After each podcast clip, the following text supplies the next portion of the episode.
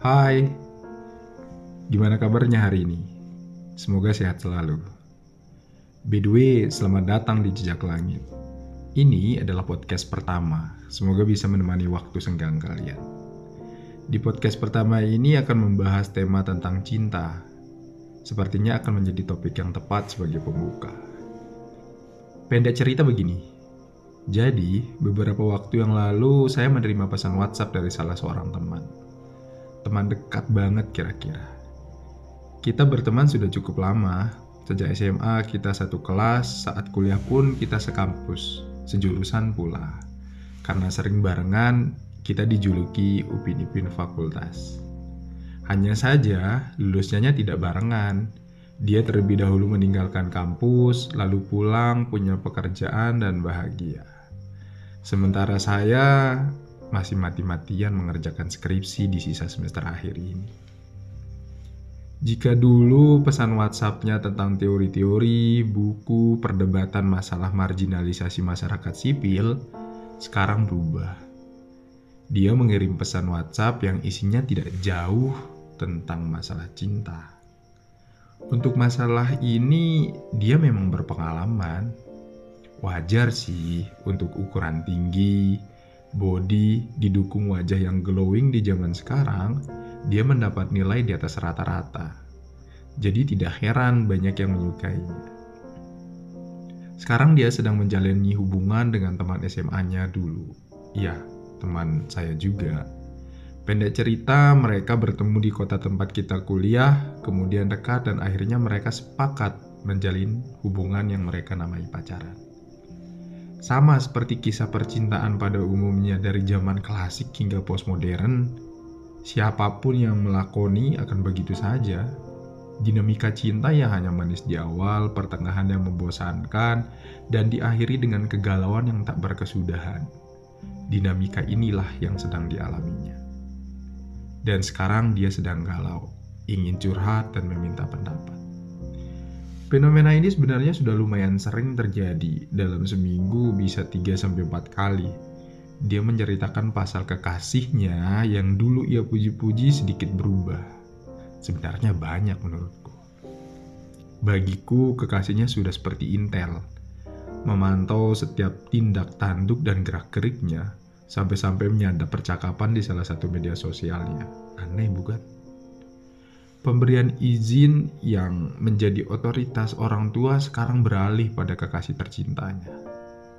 Lebih mengerikan lagi, kekasihnya sah saja memarah-marahinya. Jika terlambat sedikit saja membalas pesan atau telat mengangkat telepon, pacarnya seperti serigala yang siap memangsa buruannya. Saya jadi berpikir sejak kapan sebenarnya terjadi pergeseran makna dan pendiskreditan hubungan pacaran ini. Sehingga bagi para pelaku saat mereka pacaran, mereka merasa berkuasa dan bisa mendominasi hak-hak kekasihnya antara satu dengan yang lain. Satu sih yang saya pahami bahwa cinta memang gila. Tidak gila namanya kalau bukan cinta. Bahkan intelektual mana pun kalau merasakan jatuh cinta, saya saya rasa mereka akan menjadi dungu. Ketika mereka sedang kasmaran-kasmarannya. Tapi lebih dungunya lagi, mengapa orang pacaran senang sekali meminta solusi kepada mereka yang pakir asmara, jomblo sepertiku. Bicara masalah cinta-cinta ini, rasa-rasanya kurang lengkap kalau kita tidak mengikuti atau mengutip salah satu pandangan uh, dari seorang tokoh terkenal namanya Sigmund Freud. Dia mendeklarasikan bahwa cinta adalah reaksi hormonal. Ya itu bisa kalian baca dalam bukunya mengenai psikoanalisis. Menurutnya, cinta dan segala aktivitas manusia semuanya digerakkan oleh rangsangan libido Sebagaimana rasa lapar, cinta merupakan kebutuhan badani yang memberi kerangsangan bagi aktivitas psikis. Ini disebut sebagai tribe. Ya, semoga bahasa Inggris saya benar. Nah, tribe ini adalah naluri-naluri yang menggerakkan libido. Pendek kata, seluruh energi dalam libido berasal dari naluri-naluri itu. Lalu, apakah yang dicari naluri-naluri itu? Jawabannya adalah pemuasan. Artinya, naluri-naluri itu mencari terciptanya situasi di mana kebutuhan badani dapat terpenuhi. Lalu apa sinkronasinya dengan cinta? Jadi begini, Sederhananya, perasaan cinta yang kita rasakan yang menimbulkan rasa bahagia ketika kita berada di dekat lawan jenis merupakan reaksi dari beberapa senyawa kimia dalam tubuh. Senyawa-senyawa inilah yang disebut sebagai hormon. Di antaranya ada namanya adrenalin, dopamin, serotonin, oksitosin, dan vasopressin.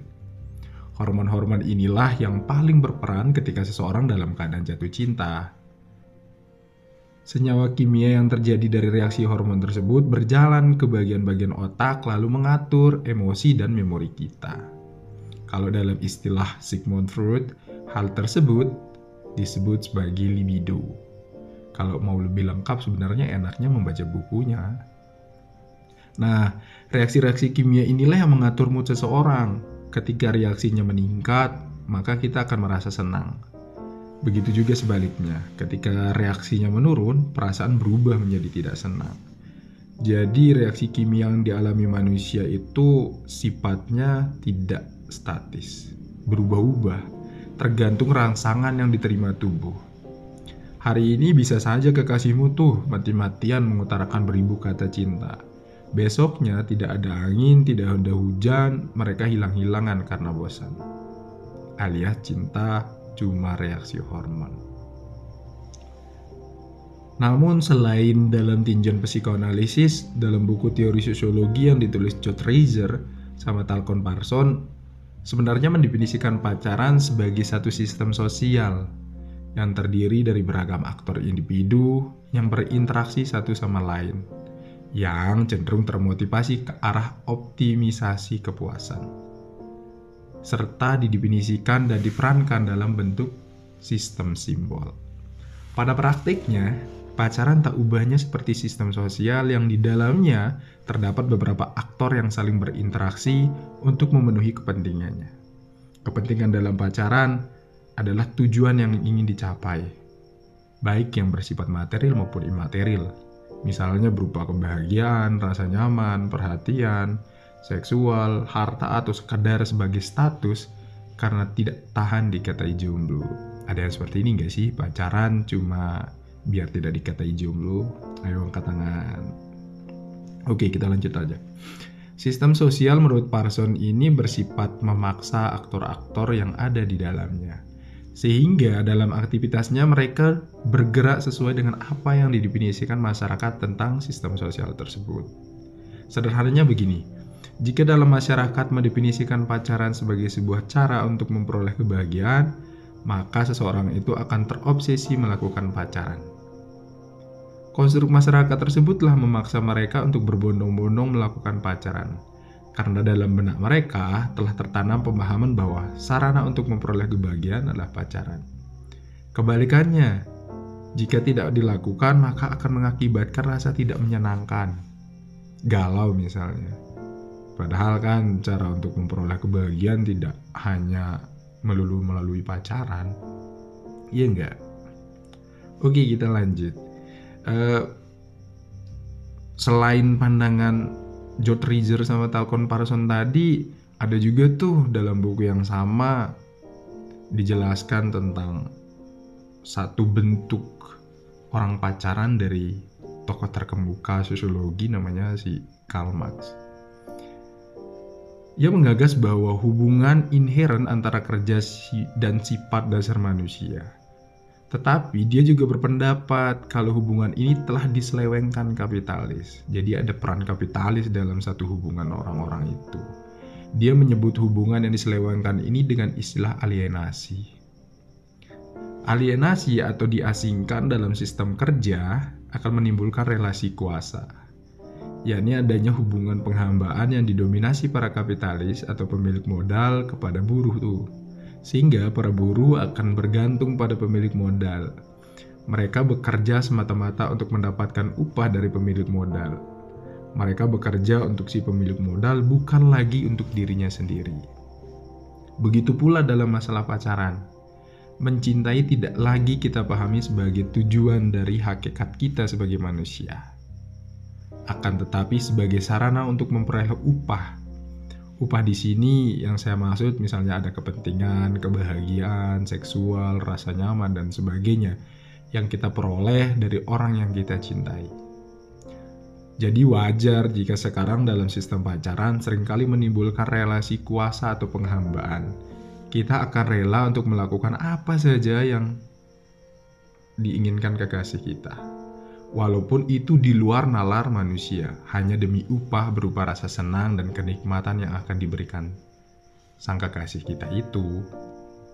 Hal ini membuat kita tidak pernah benar-benar mencintai. Tapi yang kita cintai adalah kepentingan-kepentingan itu sebenarnya. Kita tidak khawatir untuk terasing dari hakikat kita sebagai manusia. Yang justru kita khawatirkan adalah ketika kita tidak memperoleh kesenangan.